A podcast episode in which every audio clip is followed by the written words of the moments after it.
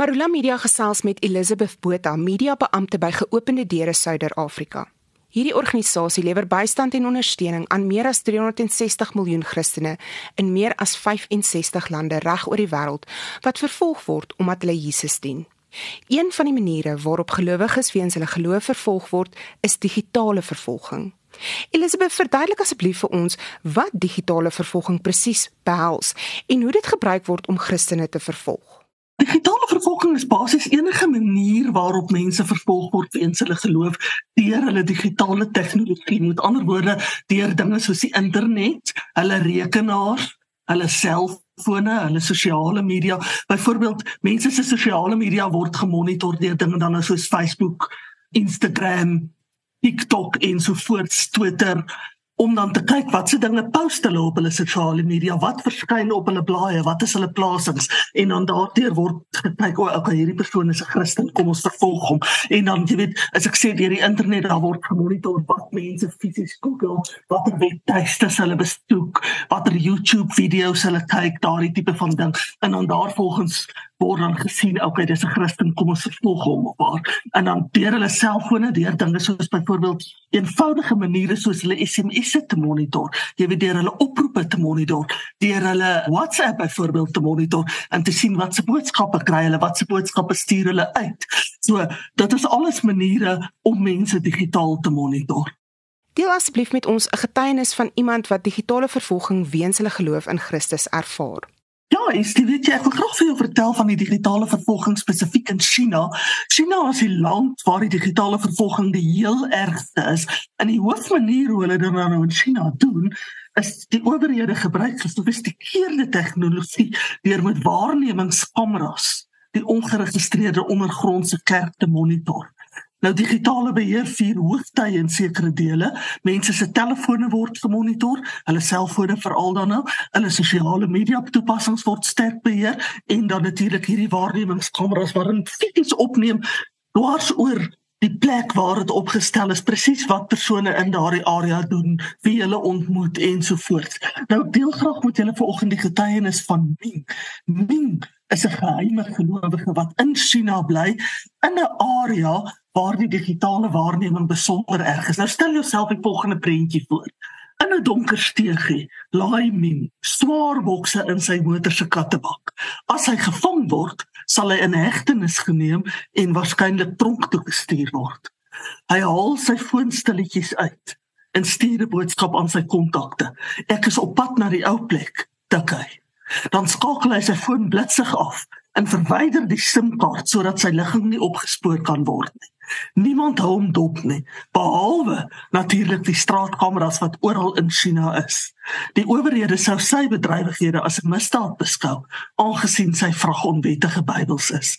Nou Stel jouself hierdie prentjie voor, hoe verskriklik is dit? Nou in die streek waar Ming vandaan kom, vier digitale beheer hoogty oor Christene. Mense se fone word gemonitor, hulle sosiale media toepassings word streng beheer en daarom is mense so versigtig met selfs dinge soos sy teksboodskappe, want enige verkeerde woord kan hom sy vryheid kos. Nou Toe Mine Christen geword het, moes hy noodgedwonge na 'n ander stad verhuis en van voor af begin. Hy het later 'n besigheidseienaar geword, verlief geraak en met 'n pragtige vrou genaamd Hoa getrou. Hulle het saam 'n huis gebou en 'n dogtertjie my my gehad. Nou by die kerk het mense geloof in Jesus verdiep. Hy sê dat hy besef het om van Jesus te leer is dat hy sy vriende en die gemeenskap by die huis hom ook nodig het. Die Here het hom toe aangespoor en hy kom duidelik die Here se stem hoor waar die Here vir hom sê: "Gaan terug na jou tuisdorp. Vertel die mense daar van my."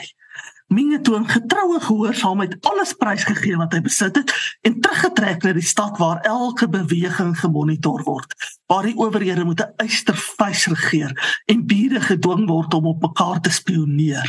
Soos ek vroeër gesê het in die streek waarvandaan hy kom vier digitale beheer hoogty hy het toe begin om in die geheim klein groepies te lei en gelowiges op onopvallende plekke te ontmoet om God se woord te bestudeer. Hy het ook 'n nuwe onderneming saam met ander gelowiges gestig. Dit het as 'n front gedien om Bybels af te lewer en dan Bybels te versprei. Die besigheid het baie goed gedoen totdat hulle bedrywighede ontbloot is. Ming en sy sakevennote is in hegtenis geneem toe hulle besigheid toe ontbloot is. Hy is wonderbewonder vrygelaat en van alle aanklagte vrygespreek, maar hy het toe nou sy onderneming en sy front verloor.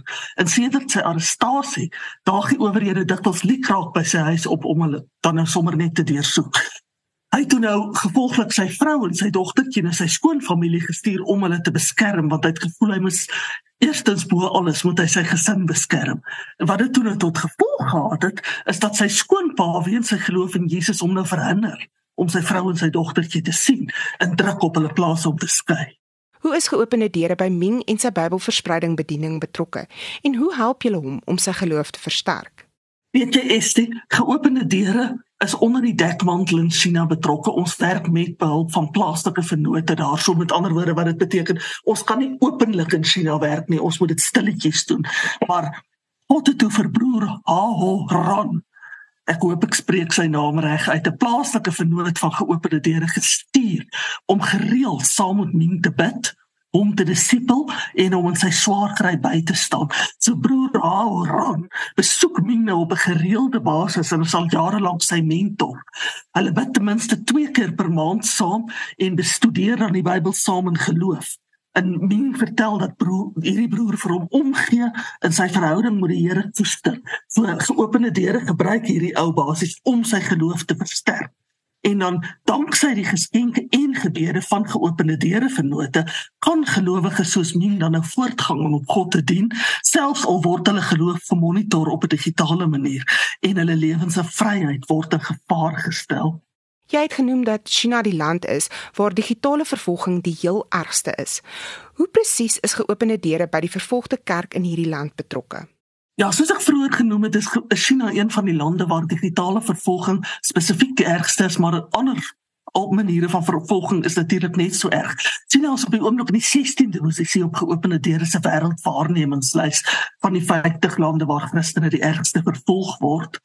Nou, hierdie land het om en by 96 miljoen 700 000 Christene. Wat 'n groot getal is vir 'n land waar Christene so erg vervolg word so geopende deure probeer alles in sy vermoë om daar betrokke te wees en Christene dan te help. Ons gaan dan in en help mense in China deur ons plaaslike vennote met dinge soos disipelskap en vervolgingsvoorbereidheid opleiding en deur dan Christelike literatuur en Bybels aan gelowiges te verskaf, veral ook ons fokus op mense wat van Islam of Boeddhisme oorgeskakel het na die Christendom toe.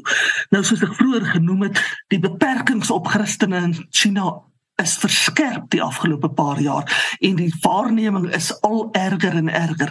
So dit beteken Christene in China is onder toenemende druk en die kommunistiese party probeer om alle bedreigings vir sy mag dan nou uit die weg te ruim waarvan een Christendom is. En hulle gebruik dan hierdie waarnemingskameras en waarnemings as een van die mees onderdrukkende en mees gesofistikeerde maniere in die wêreld om Christene te vervolg en hulle voer dan ook hierdie maniere van waarneming en dan hierdie tegnologie uit na ander lande in die wêreld om dit met ander woorde te versprei.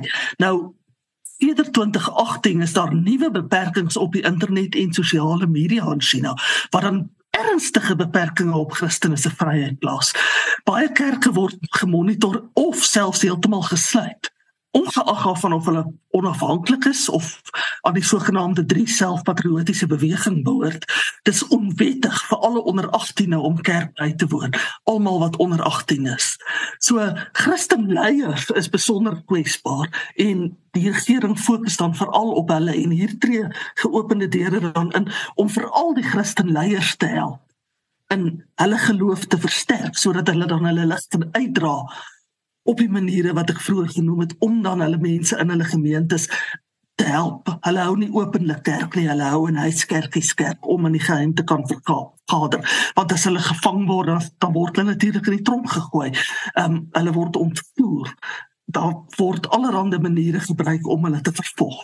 En dan soos ek vroeër gesê, die lewe is veral moeilik vir Christene wat vanaf Islam of Boeddhisme oorgestel van dit Christendom toe want daar word druk op hulle toe gepas om dan terug te gaan na hulle ou geloof toe. Die opene deure probeer dan ook vir al hierdie mense help deur dinge soos literatuurverspreiding, soos disipelskap vir vervolgingsvoorbereiding opleiding en dan deur fisies vir hulle Bybels te neem want daar's baie Chinese wat sê hulle het nog nooit fisiese Bybel besit nie. So ons probeer hulle help dat elke Christen ten minste hulle eie Bybel het. Jy weet en ons probeer hulle dan help om ondanks hierdie vervolging en in, in ernstige beperkings krag, wysheid en vrymoedigheid te hê om hulle geloof vrylik as ek dit so kan noem tussen aanhalingstekens uit te leef en dan om te hou om die Here te dien. En dan natuurlik ook jong mense wat baie ernstig gekneelter word omdat jong mense onder 18 nie eers aan 'n kerk mag behoort nie. En ons probeer aan die kerk in China help om te groei ondanks hierdie intensiewe vervolging. Vertel vir ons hoe luisteraars geopende deure kan kontak en deel van julle bediening kan word. Ja, is dit die maklikste manier is hulle kan ons webtuiste besoek. Die webadres is www www.opendoors.org.za so dis www.opendoors.org.za as hulle die webtuiste besoek en hulle ook daar gaan lees oor die vervolging in China deur deur op China te klik onder die lande op die wêreldwaarnemingslys vat hulle dan spesifiek na die blad wat vertel van die vervolging van China. Daar kan hulle dan ook opteken vir ons weeklikse gebedspunte oor China en om die Here te dien. Jy weet en saam te bid vir vervolgde Christene in China. Alternatiefelik kan hulle ook vir ons gebedskalender aanteken. Hulle kan inteken op ons nuusbrief wat versprei word of hulle kan op ander maniere betrokke raak deur in te teken om 'n vrywilliger van geopende deure te word, 'n kerkverteenwoordiger deur saam met ons te reis, deur natuurlik finansiëel betrokke te raak en soos daar nog talle ander maniere ook. Alternatiefelik kan mense ook ons kantoor in Johannesburg skakel by 01888941. So dis die webtuiste www.opendoors.org.za of 01188941.